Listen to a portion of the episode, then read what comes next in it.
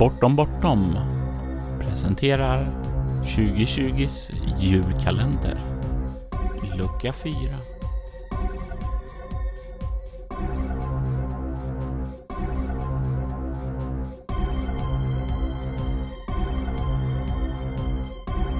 Bakgrundsmusiken i detta avsnitt gjordes av Derek and Brandon Fichter och vignettmusiken gjordes av Robert Jonsson.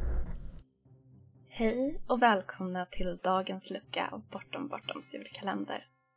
Jag är Amanda Stenback från I am no man podcast och jag ska berätta för er om ett minne jag fått från rollspel. Jag är en andra generationens rollspelare. Min pappa spelar och mina allra första minnen av hobbyn är att ha suttit med min pappa och två äldre kusiner och eh, tittat på när de spelade Drakar och Demoner. Jag kommer ihåg hur jag brukade få rulla mina kusiners tärningar åt dem eh, som en good luck charm för tur. Då var jag bara sex eller sju år gammal och eh, det var inte långt efteråt som min pappa bestämde sig att det var dags för mig att börja spela och introducerade mig till en av hans kampanjer. Jag vet inte hur många av mina minnen från det äventyret som är mina egna och hur många som är efterkonstruktioner från vad jag fått berättat för mig. Men konceptet var att mina två kusiners karaktärer hade fått i uppdrag att rädda någons dotter, en handelsman, adelsman. Jag kommer inte ihåg. Men vad jag kommer ihåg var plottvisten. För i den här borgen då så kommer de till sist ner till det här fängelset och den som väntar i fängelsehålan var ju inte alls den här försvarslösa unga mön som de trodde. Utan det var ju min karaktär. Och eh, jag kommer ihåg ändå vagt överraskningen på deras ansikten när pappa gav mig mitt karaktärsblad som vi hade förberett tidigare i smyg. Och hur han annonserade att nu ska Amanda vara med och spela med oss. Och det var inte långt efter som min mycket avundsjuka lillebror också fick joina. Han spelade en trollkar vid namn Tenurgil, vilket inte slutade bra. Vi insåg rätt snabbt att vi aldrig skulle låtit min lillebror spela en trollkarl för att han var helt klart en barbar som skulle på och attackera varenda gigantisk balrog eller jätte vi stötte på och mina kusiner försökte påminna honom att du är en trollkarl Viktor. Du har ingen AC.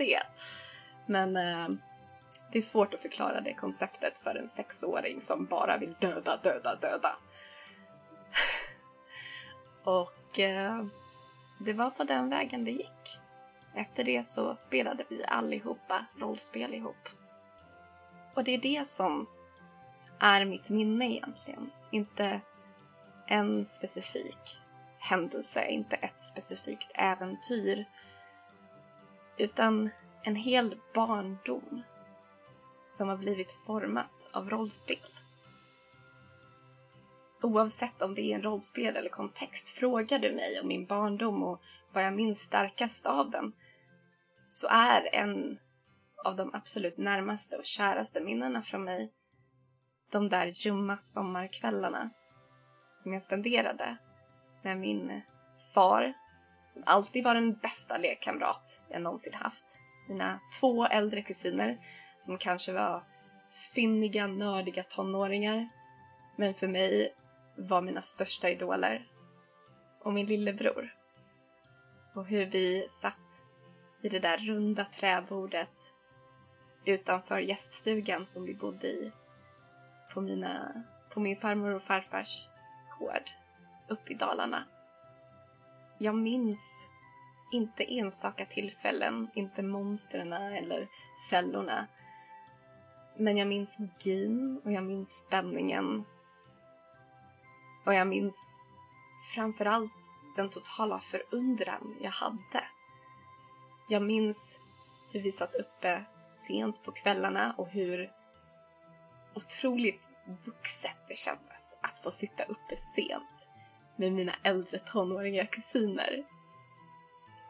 Och jag minns dagarna som följde när mina kusiner och jag lekte ut de här äventyren som vi hade konstruerat kvällen innan. Sprang omkring i skogarna och på gården där och lekte att vi dödade monster och spionerade på onda trollkarlar. Jag kommer ihåg hur vi hemma i Stockholm brukade spendera helgerna i garaget där jag och min pappa och min lillebror gjorde träsvärd och trävapen och sköldar och till och med pilbågar som vi sen kunde ta upp till Dalarna och leka med. Jag kommer ihåg att i skolan, när vi fick ha fri skrivarstund, att jag fyllde hela mitt skrivblock med historier på historier som alla var inspirerade äventyr, fantasi och alver och dvärgar och drakar rollspel verkligen formade mig. Det formade min barndom, det formade mig som människa och jag är fortfarande någon som älskar historier. Som älskar karaktärer. Och jag har fortfarande en otroligt nära kontakt med både min pappa och mina två äldre kusiner och min lillebror. Mina kusiner är mer som storebröder för mig, har alltid varit det. Och min lillebror är en tvilling och en bästa vän. Rollspel är någonting som vi alltid haft gemensamt och alltid kommer ha gemensamt. Och det är en sån enorm gåva. Vi spelar fortfarande rollspel ihop. Och eh, min kusin har nyligen köpt gården i Dalarna från min farmor och flyttat dit med sin familj. Tanken är att det ska renoveras och fixas till så att alla kan komma och besöka hela släkten när vi vill och eh, Höskullen, ladan, området där ovanpå, den platsen är definitivt reserverad för ett rollspelsrum.